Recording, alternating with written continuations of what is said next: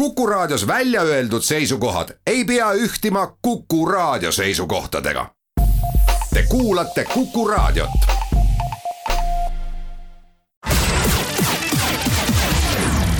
nädala Tegija. nädala Tegija saab kõik puiduviimistlusvahendid Osmost. ja tere nüüd ka Nädala Tegija stuudiost ja ütlen kohe tere ka meie tänasele külalisele, kelleks on justiitsminister Maris Lauri. proua minister, tere tulemast Nädala Tegija saatesse. tere. saatejuht on Ulla Lents no see nädal algas teile ilmselt eriti töörohkelt, sest et äh, praegu te ajutiselt peate juhtima veel ka rahandusministeeriumi, et kuidas läheb, et kuidas see töö on korraldatud? töö on sujuvalt korraldatud niimoodi, et äh, on äh, kohtumised, mis on siis rahandusministeeriumi inimestega ja kohtumised, mis on justiitsministeeriumi inimestega, et eks see tuleb päeva siis mõistlikult ära jagada ja jätta nii-öelda õhku ka selleks, et äh, asjade üle järgi mõelda ja tegeleda selliste asjadega, kus alati ei ole koosolekut vaja, nii et seda on võimalik korraldada nojah, siin mõnel hetkel tekkisid ka emotsioonid, et kui äh, teade sellest, et te ajutiselt rahandusministrit asendama peate, ka avalikkuseni jõudis, siis noh, oli küll selline tunne, et kuidas üks minister hakkama saab, aga ei saa ju unustada seda, et ega siis minister ei tee ära kogu ministeeriumi tööd, et, et ega ametnikud on ju kõik olemas kõik ametnikud on olemas, et meeskonnad on mõlemas ministeeriumis äh, väga tugevad ja suhted on äh, head ja, ja nii-öelda koostööaltid. ma veel osutaksin ka sellele, et äh, ma olen Rahandusministeeriumis kunagi juba olnud, nii et tuttavad inimesed on ees ja teemad on ka väga paljus tuttavad, nii et noh, raskusi selles mõttes ei teki, eks, et lihtsalt võib-olla äh, on vajadus äh, rohkem asju üle vaadata ja ka selline teatud mõttes ülevõtmise faas, eks, et äh, kus mõned asjad tuleb uuesti igaks juhuks üle käia, et äh, see pilt oleks ees. rahandusteemad on ju väga paljus ka kogu valitsuse teemad, nii et eks sellist olukorda, kus üldse asjadega kursis ei ole, noh, võib-olla ei ole niimoodi. No ma arvan, et neid teemasid täna mis on kogu valitsuse teemad, on päris palju ja eelkõige need teemad, mis on seotud koroonaviirusega, et vaat just eile valitsus võttis vastu otsuse selle kohta, kuidas toimub liikumine kolmandatest riikidest, ehk siis kuidas toimub liikumine ka Eesti ja Euroopa Liidu välispiiri ületades. et äh, miks alles nüüd, et, et kas me natuke sellega hiljaks ei jäänud, et miks see regulatsioon alles praegu tuli äh,? Küsimus oli siin, kui me ka talvel ja kevadel vaidlesime, et, et kuidas kolmandate riikidega suhelda, siis äh, seal tekkis teatud vastuolu erinevate põhiseaduse punktide puhul, eks, et meil on olemas põhiseaduses paragrahv, mis ütleb, et Eesti kodanik ja äh, eestlased saavad alati igal juhul Eestisse sisse tulla olgu nad põhimõtteliselt terved, haiged või ükskõik, mis nendega on juhtunud, me peame nad alati vastu võtma. nüüd eh, jah, me võime nad testida kõik, aga tekib küsimus, et kas me siis tõesti hakkame neid eh, inimesi teistmoodi kohtlema piiri peal, kes ei ole Eesti kodanikud, et kuidas me suhtume nendesse, kes on Eesti alalised edanik, elanikud, kuidas me suhtume Euroopa Liidu liikmesmaade kodanikesse või ka nendesse, kes on teise piiri peal, et kuidas me Äh, noh, nii-öelda silmnähtavalt hakkame inimesi erinevalt äh, kohtlema, sest me peame vaatama tegelikult põhiseaduse erinevaid paragrahve koostoimes, mitte, mitte ühte paragrahvi, nii et äh, siin saamegi vaadata neid rahvatervise aspekte, saame vaadata vaba liikumise nii-öelda paragrahve ja noh, ütleme selles mõttes oli vaja selgust, et kuidas nüüd siis need täpselt asjad omavahel kokku lähevad, kuidas nad lähevad kokku Euroopa Liidu lepetega, äh, viimane selline selgem lepe tehti äh, juuni keskel alles, nii et ja ka meie enda äh, nakkushaiguste ennetamise tõrje seaduse muudatused, mis hakkasid kehtima juuni algusest, eks, mis ka võimaldasid teatud nii-öelda lahendusi piiril, et see kuidagi noh, tekkis see aeg, et vaadata need asjad korralikult üle, et me teeksime otsused, kus ei tekita vaidlusi, et kui te, keegi küsib meilt vastu, et et mis põhjusel, et kuidas te inimesi ebavõrdselt kohtlete, siis me oskaksime vastata, et kevadel lihtsalt oli nii palju erinevaid asju, et me pidevalt jooksime nii-öelda teatud vaidlustesse kokku ja ei, noh, ütleme, arvamused läksid lahku ja siis nüüd tundus, et nüüd on see hingetõmbepaus, et teeme selle asja lõplikult selgeks, et me oleme kindlad, mis me teeme kas vot siit tulevadki need äh, suhteliselt arusaamatud erinevused ka erinevates Euroopa Liidu riikides, et ühelt poolt küll Euroopa Liidu tasandil lepitakse kokku reeglid ja need on siis äh, Euroopa seadustele vastavalt peavad äh, olema õiged. aga riigid peavad alati vaatama, et need just piiriületamise reeglid, eriti kui nad koroonaperioodil on teistsugused, sest noh, tavalises elus me oleme ju sellest kokku leppinud ja riikide mhm. seadused on kooskõlas nende reeglitega, aga et iga riik peab ise siis vaatama, et et kas see läheb tema seadustega kokku ja kui ta tahab veel midagi siseriiklikult karmistada, et siis samas see ei lähe vastuollu Euroopa Liidus kokkulepituga. jaa, et ongi, me peame aru saama, et kuigi äh, demokraatlikes riikides on teatud põhimõtted äh, ühesugused ja noh, vaidlusi selles mõttes ei teki, siis äh, põhiseadustes võivad need asjad olla äh, väikeste nüanssidega sõnastatud, äh, riigid võivad äh, neid samu asju mõnevõrra teistmoodi tõlgendada ja me peame sinna juurde võtma ka Euroopa äh, Liidu tasemel ja ka laiemalt tehtud kokkulepped, et selle, see on üks koht, kus kohas tulevad erinevused sisse. ja teine asi on see, et kuidas me tõlgendame ja tunnetame ühte või teist olukorda et see tunnetus võib ühiskondades olla erinev, et et kui meie siin tegime oma ühiskonna juba lahti, eks, ja ütleme selles mõttes, et olid kindlasti neid, kes leidis, et liiga vara ja neid, kes, et liiga hilja, aga noh, keskmiselt äh, ühiskond tajus, et see on see õige hetk, siis äh, mõnedes teistes riikides oleks see hetk olnud ilmselgelt liiga vara, ütleme niimoodi. et ühiskonnad tajuvadki olukordi teatud mõttes erinevalt, et me ka peame sellest aru saama valitsus ei ole tõenäoliselt väga varmas tegema igasuguseid erisusi, et just siin tuligi eile välja see Birgitta festivali näide, et kus paluti ka Venemaalt tulevale trupile erisust, aga valitsus seda ei andnud. jaa, et äh, me hindasime seda olukorda, milles me oleme ja äh, potentsiaalset olukorda, mis on sellel hetkel, kui nemad peaksid hakkama tulema, eks augustis. Äh, ja vaadates lihtsalt neid trende, haigestumise trende, noh, ka meil mõnevõrra tõusevad äh, praegu nakatumisnäitajad, äh, nad on madalad, rohelisel tasemel veel, aga nad tõusevad ja kui me vaatame, mis toimub Venemaal, siis see pilt on seal palju hullem Äh, seal on nakastumine kõrge ja tegelikult me ei tea, kas need näitajad on äh, sada protsenti usaldusväärsed, aga me näeme väga kiiret tõusu äh, surmades, mis annab sellise tunde või signaali, et olukord Venemaal võib minna veel halvemaks. võib-olla ta ei lähe, võib-olla see, toimub see pöördumine, aga on suur tõenäosus, et kuu aja pärast või mõnevõrra hiljem on see olukord Venemaal praegusest veel hullem ja see tähendab seda, et me peame oma riiki kaitsma, meie põhiülesanne on siiski oma elanike kaitsmine Eestis. Ja äh, meil on olemas oma reeglid, kuidas üle piiri tulla praegustes tingimustes, piir ei ole ju veel kinni pandud, eks, et noh, jumal tänatud, et äh, loodame, et see asi ei lähe ei Venemaal ega Eestis nii hulluks, et me peaksime panema välispiirid kinni, aga meil on olemas reeglid, mis tähendab, et tuleb testida, kui sa ei ole vaktsineeritud ja äh, põhimõtteliselt on äh, Venemaa esinejatel võimalik ennast vaktsineerida, meie andmete kohaselt on Sputniku vaktsiini nii-öelda kahe doosi vahe äh, piisavalt lühike, et nad jõuaksid ka kaks doosi ära vaktsineerida. Ja siis tulla Eestisse, olla lühikest aega isolatsioonis ja ennast uuesti testida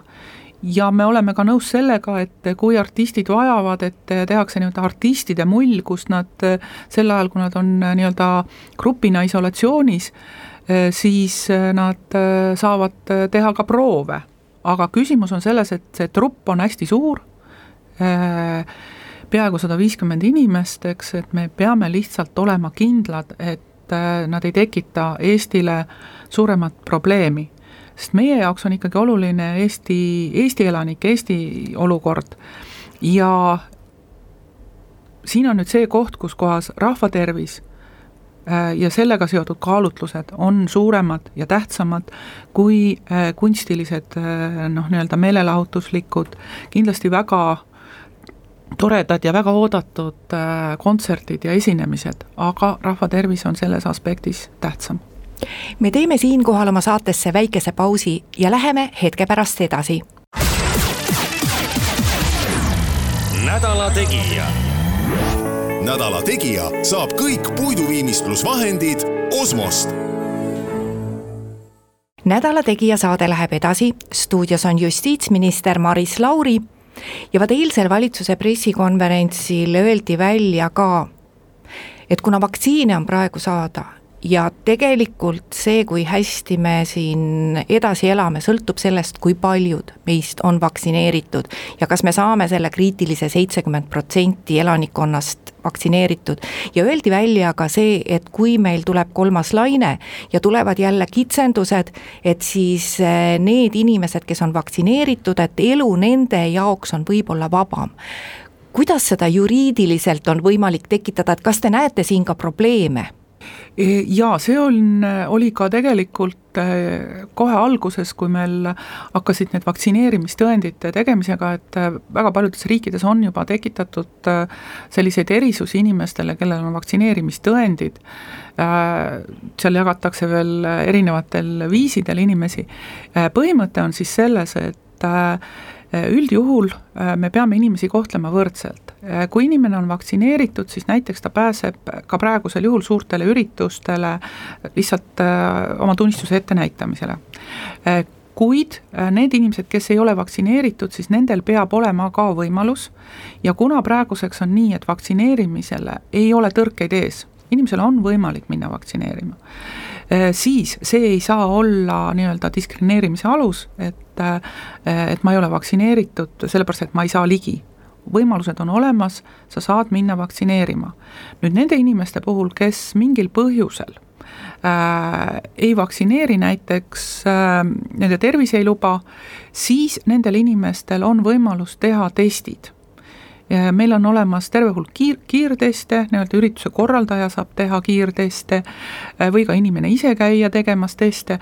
aga see tähendab kindlasti teatud ajakulu, see tähendab äh, teatud juhtudel ka rahakulu inimesele, aga küsimus on selles, et ka need testid on kättesaadavad, need ei ole enam äh, noh, nii-öelda nii kallid, nad ei võta nii palju aega, et see on see, mille tõttu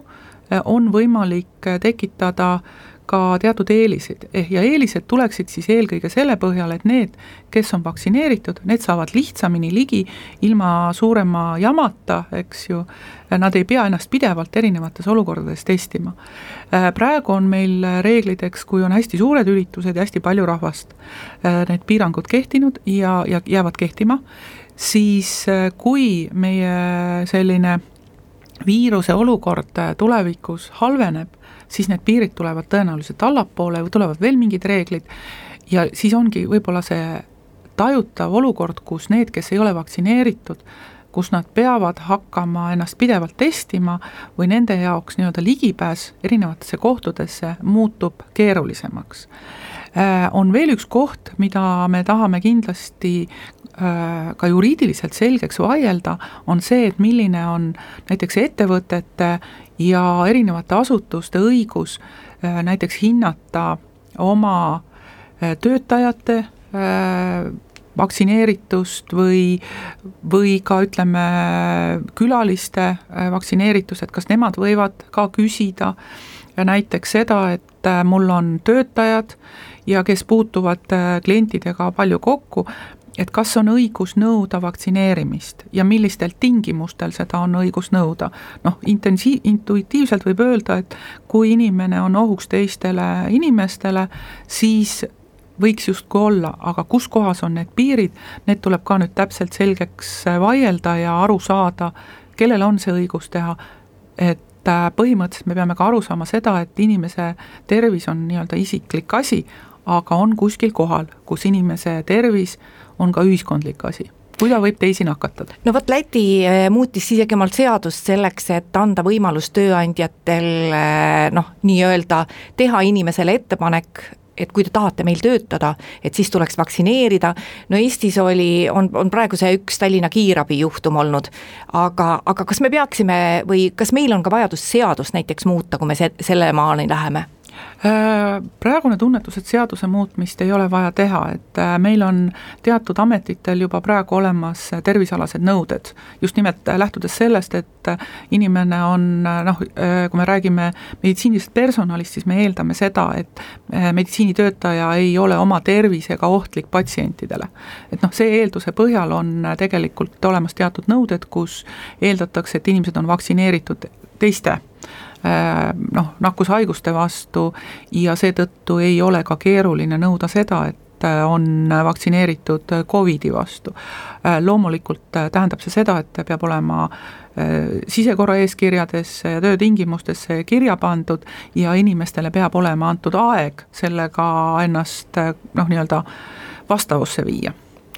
no rääkides muudest praegu suhteliselt särisevatest, õhus särisevatest teemadest, siis vaat vahetult enne suve, suvepuhkusele minekut võttis Riigikogu vaatamata sellele, et opositsioon ikkagi päris ohtralt kasutas venitamistaktikat, vastu selle kurikuulsa ABISE seaduse ehk siis biomeetriliste isikuandmete ühte andmebaasi kogumise seaduse, mille president on ka välja kuulutanud, aga noh, mille puhul on president kommenteerinud, et mõned asjad meil siin Eestis tuleks ühiskonnas selgeks vaielda ja on märku andnud ka õiguskantsler, et et, et seal on küsitavaid kohti. et kuidas te justiitsministrina näete nüüd, et kuidas selle vastu võt-, võetud seadusega ikkagi veel edasi minna nii, et, et äh, ei oleks ühiskonnas kahtlusi mm? -hmm üks asi on kindlasti see, et me peame ka ühiskonnana, kuna me oleme jõudnud sellisesse kohta kogu maailmas, kus hästi palju on erinevaid andmeid, neid kogutakse äh,, kuidas neid andmeid kasutatakse millistel tingimustel neid kasutatakse, meil on olnud äh, reeglid, aga me peame need reeglid võib-olla üle vaatama, sest see andmehulk, mis liigub, on hästi suur, äh, on tehtud uuring Eesti inimeste seas, kusjuures hämmastav on võib-olla see, et riigile usa-, antud andmete puhul riiki usaldatakse ja inimesed kahtlevad selles, mida teevad erasektor andmetega. Äh, ja, ja samas me anname väga kergelt andmeid erasektorile, eks, et seal on teatud vastuolu. et me peame võib-olla ka selle koha uuesti üle rääkima, selgeks tegema, kus on piirid. Äh, mis puudutab nüüd seda konkreetsemat äh, olukorda, siis siin, siin on teatud kummalised arengud olnud, ütleme niimoodi, et need asjad jooksid äh, mõnevõrra halvasti kokku, ütleme, on ole-, eksisteerivad andmebaasid, eks, et on kurjategijate sõrmejälgede või kuriteopaikades tehtud sõrmejälgede andmebaas on olemas, see oli vaja viia uuele tehnilisele lahendusele, nii et äh, noh, lihtsalt see vana lahendus enam ei töötanud, iseenesest selline muudatus ei vajaks äh, äh, seadusemuudatust. on olemas ka, me kõik oleme täiesti seaduspäraselt oma passide saamisel anname ka sõrmejälgi, eks ju. ka selle kohta on andmebaas olemas, oli vaja ka viia uuele tehnilisele lahendusele, mis oleks mugavam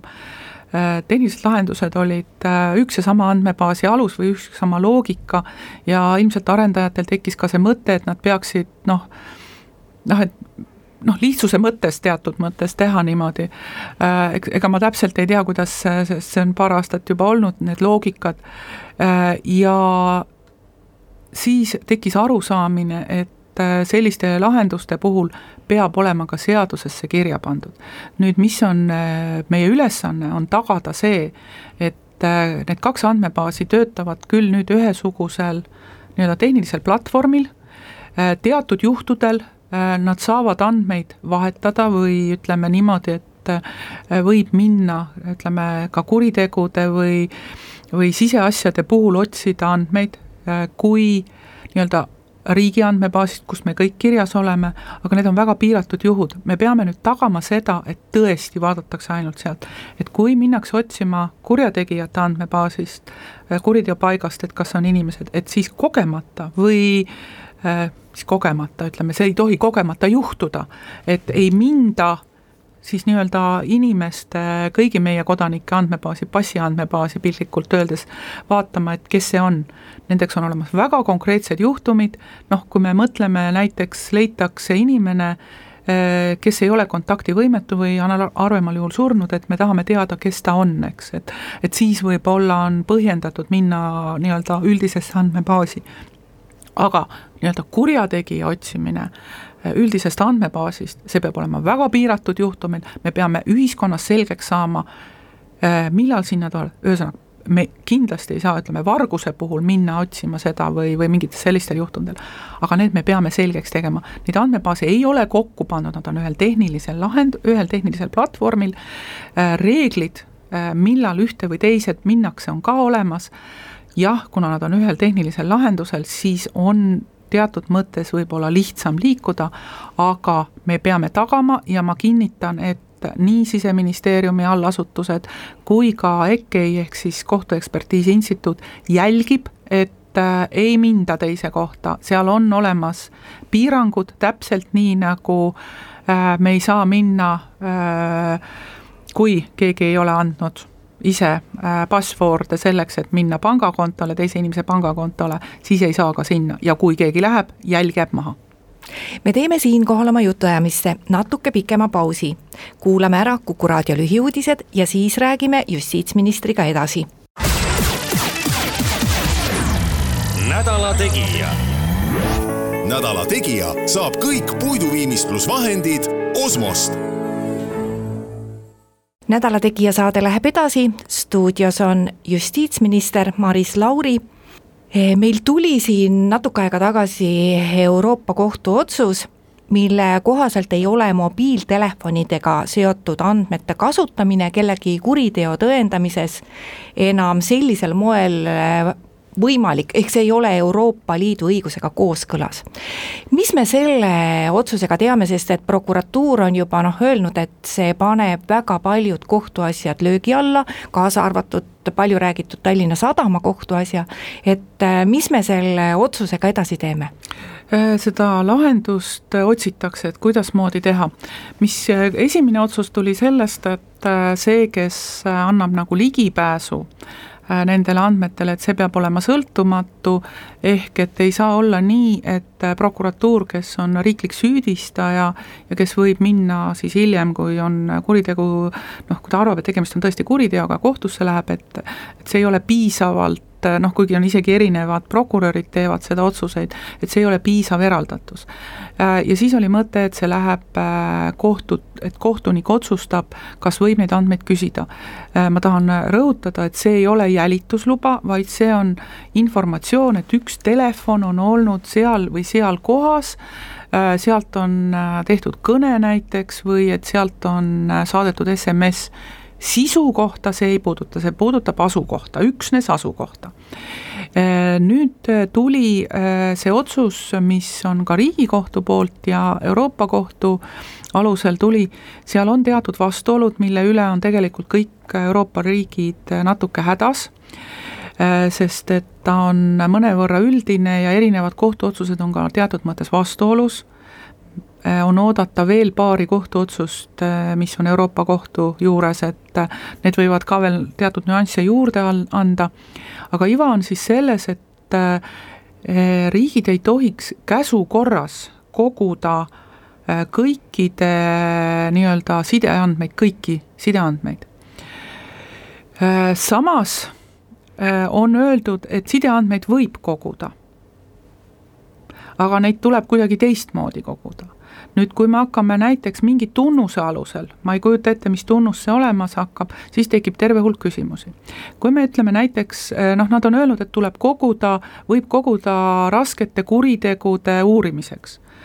eh, kui kuritegu on toime pannud, siis enam ei ole mitte midagi teha, ütleme niimoodi, meil on vaja, uurimiseks on vaja andmeid sellest ajast, kui kuritegu ette valmistati või kuritegu toime pandi. tagantjärgi andmetel ei ole mingisugust mõtet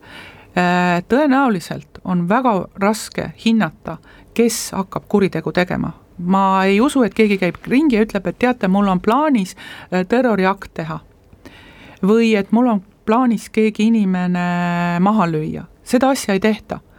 kuidas me siis nagu korjame neid raskeid kuritegusid, noh siin ütleme, ma toon need nagu tõsise, kõige tõsisemad äh, kuriteod näitena. ja äh, kui me hakkame inimesi profileerima, eks, et noh, et võib-olla need inimesed või need inimesed, noh näiteks need, kes on kunagi äh, karistatud olnud, siis on ka teatud laadi diskrimineerimisega tegemist. sest me siiski eeldame, et inimene, kes on teinud kuriteo, et ta mõtleb järgi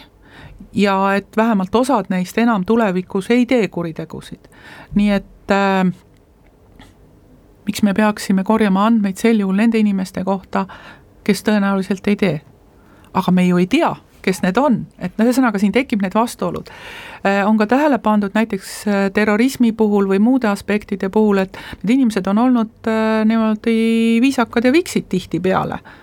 ja siis teevad kuriteo. et me ei saa selle põhjal korjata, no me oleme nüüd vaadanud seda, et on teatud andmed, mida äh, sidefirmad automaatselt korjavad ise äh, ärilistel eesmärkidel, ka selleks vahetevahel, et mingisuguseid äh, ärivaidlusi lahendada, kas me läheme siis selle kaudu, et et saab küsida siis nii-öelda sidefirmadelt, kas teil on seda andmeid, et kes noh, põhimõtteliselt küsida, et kas teil on andmeid, et selles piirkonnas on olnud äh, mingisugused telefoninumbrid näiteks äh, sellisel aja jooksul või millised äh, on olnud, eks, et kindlasti see ei ole inimese jälitamine, see ei ole sise, vaid lihtsalt tuvastamine, et kas keegi on. praktikas on tegelikult ka see küsimus, kui me ei räägi nüüd kuritegevusest, neid sideandmeid on kasutatud ka sellistes olukordades, kui näiteks mõni inimene on kaduma läinud ja on proovitud tuvastada tema viimast asukohta kui inimene noh, tehakse, ütleme, teade, et me soovime teada, kus ta on, et ta võib olla, temaga võib olla midagi juhtunud, äh, võib-olla teatakse, et ta läks metsa jalutama, aga võib-olla on lihtsalt kadunud, äh, siis on, aga võib juhtuda, et tal ei ole telefon sees, nii et me ei saa nii-öelda ajahetkel, konkreetsel ajahetkel teada, siis aitab tihtipeale viimane andmestik, kui veel telefon oli sees ja nüüd me ei saa ka seda vaadata ja see on ka probleemiks, et me ei saa kadunud inimesi näiteks, et kuidas lahendada sellised eh, keerulised olukorrad, kui sa lähed eh, nüüd eh, kohtunikega rääkima, siis nad ilmselt inimlikul tasemel saavad aru, et see on probleem. et seda tuleb kuidagi lahendada, kuidas seda teha? see ongi hästi suur mõistatus, selle üle käivadki vaidlused, arutelud äh,, aga tundub, et just nende kohtuotsuste valguses me peame jääma rõhuma sellele, et äh, sidefirmad siiski ise ka koguvad mingeid andmeid ja säilitavad neid mingi aja jooksul. aga me Euroopa Kohtu valguses me ei saa seda nõuda nendelt. Äh, selles mõttes oleks väga hea, et meie saaksime Euroopa tasemel ühtse arusaama, kuidas seda teha, äh, kuidas vajadusel kehtestada ühtsed reeglid, et kuidas seda teha nii, et sealhulgas ka Euroopa Kohus oleks selle lahendusega nõus, aga see on keeruline mis vihakõne seaduseelnõust edasi võiks saada, et kas see on nüüd täitsa päevakorrast maas? Äh, selle teemaga me ikkagi tegeleme äh, tasapisi, äh, sest reaalsus on see, et ähm, Eesti nii-öelda sõnastus sellisele vaenamisele äh, ei vasta ei meie enda põhiseadusele muideks ja ei vasta ka sellega, millele me oleme kokku lepitud. ma olen rääkinud väga erinevate osapooltega, ka nendega, kes äh, on väga skeptilised selle teema suhtes ja nad leiavad, et jah, Eesti seadus vajab äh, täpsustamist,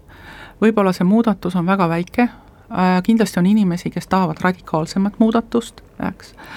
mina oleksin siin ettevaatlik, eks me peame vaatama, et tõesti, et sõnavabadus säiliks,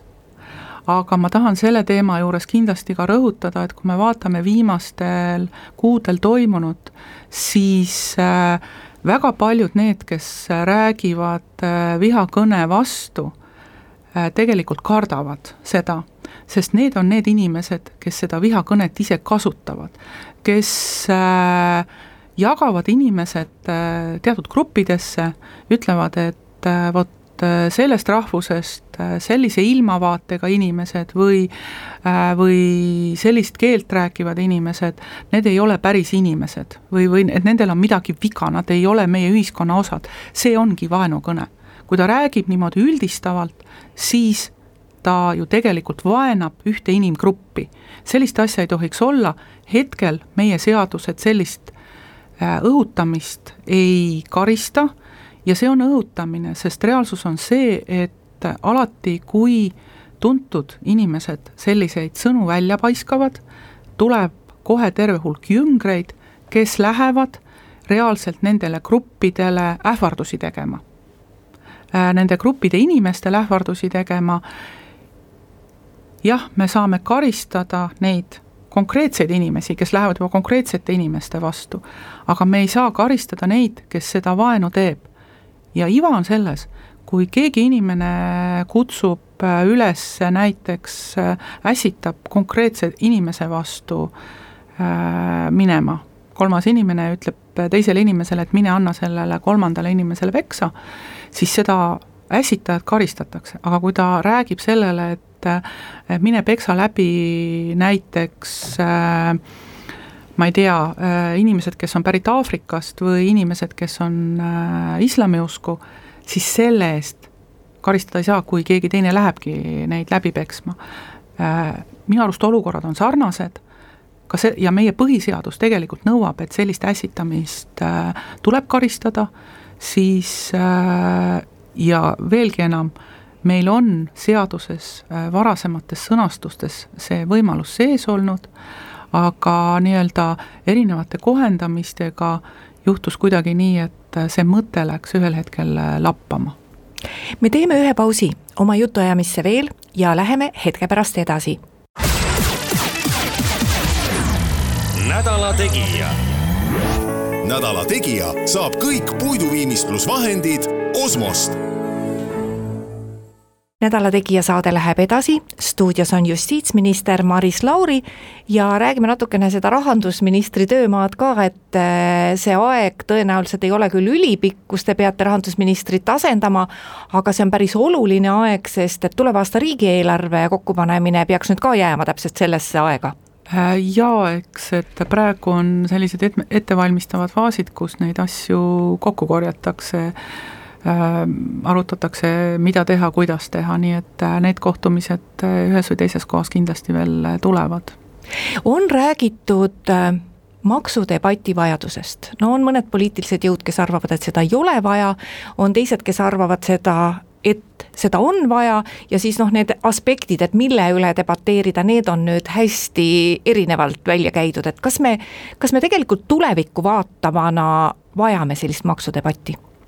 Äh, me vajame tulevikuvaadet ja selle tulevikuvaate osaks äh, on tõenäoliselt ka maksud. Äh, me peame ette kujutama seda ja selgeks rääkima oma ühiskonnas selles, et mida me riigilt tahame. milliseid ülesandeid riik peab te tegema, mis on riigi vastutus, mis on omavalitsuste vastutus, mis on inimese enda, millised teevad võib-olla kogukonnad töös, koostöös. Äh, me peame selle läbi vaidlema, üheksakümnendate alguses, kui me lõime, siis äh, meil oli kaheksakümnendate lõpus, üheksakümnendate alguses väga suur diskussioon, et teatud mõttes oli ühine arusaam äh,. ühiskond on läinud päris mitu aastakümmet edasi, ilmselt me vajame uut diskussiooni ja selle diskussiooni üheks komponendiks on paratamatult ka maksud. ja seda selle kaudu, et kui me tahame rohkem riiki, me tahame rohkem ümberjagamist, siis äh, tähendab see ka kõrgemaid makse Äh, kui me tahame vähem, siis äh, me saame väiksema maksukoormaga, võib-olla praegusega, võib-olla väiksemaga hakkama. aga sealjuures on ka kindlasti, tuleb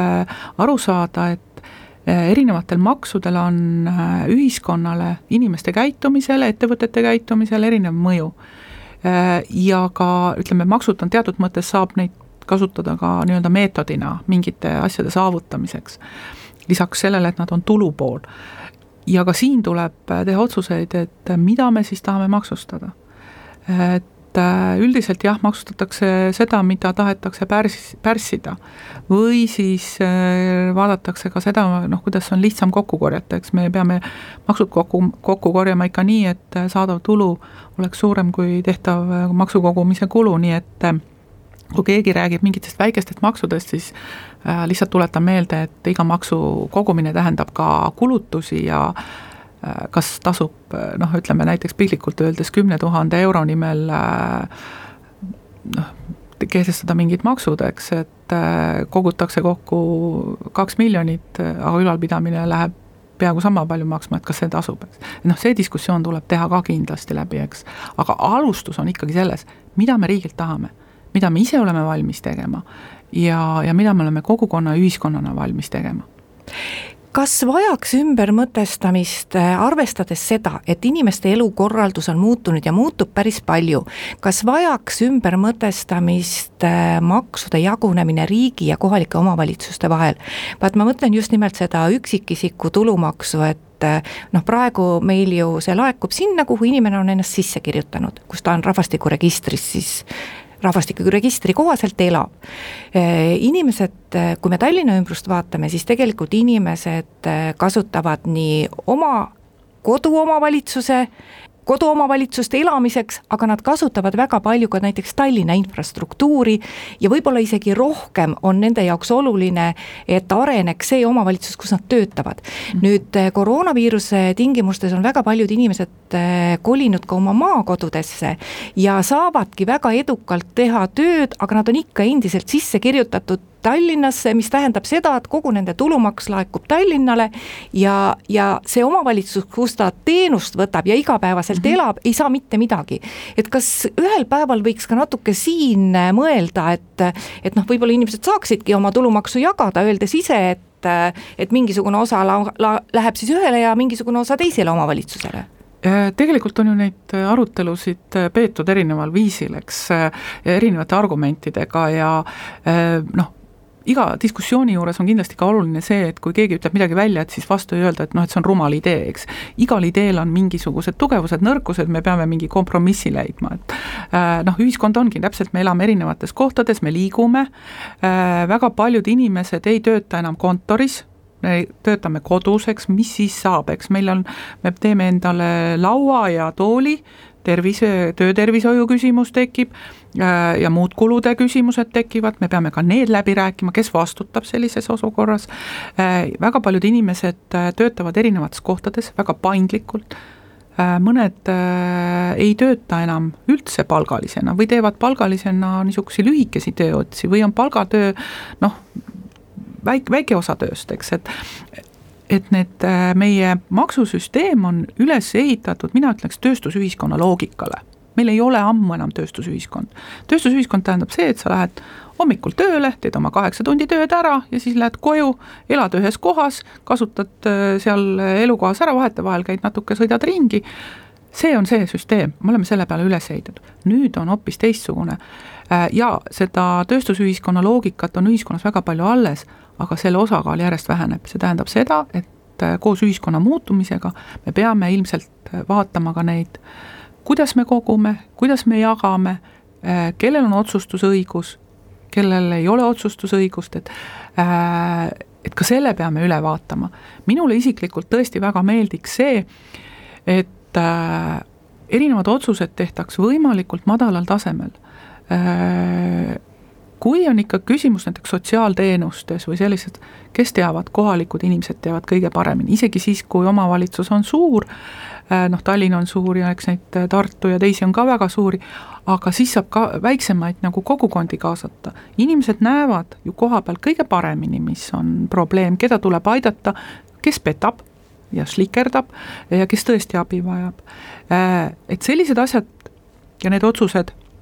peaksid toimuma võimalikult madalal need asjad, mis on meie riigile tervikuna olulised, need peavad toimuma kõrgemal tasemel, noh, riigikaitse, noh, väga selge, see on riigi tase või välispoliitika või, või noh, sellised asjad, kohtute korraldus, see on, peab ka olema kõigi riigi tasemel, et me peame nagu aru saama, kus tasemel otsuseid tehakse.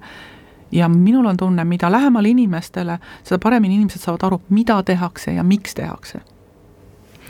ja ongi meie saateaeg läbi saanud, aitäh tulemast Nädala Tegija saatesse, justiitsminister Maris Lauri. saatejuht ütleb kuulajatele ka aitäh kuulamise eest ja järgmine Nädala Tegija eetris juba nädala pärast, kuulmiseni. nädala Tegija. nädala Tegija saab kõik puiduviimistlusvahendid Osmost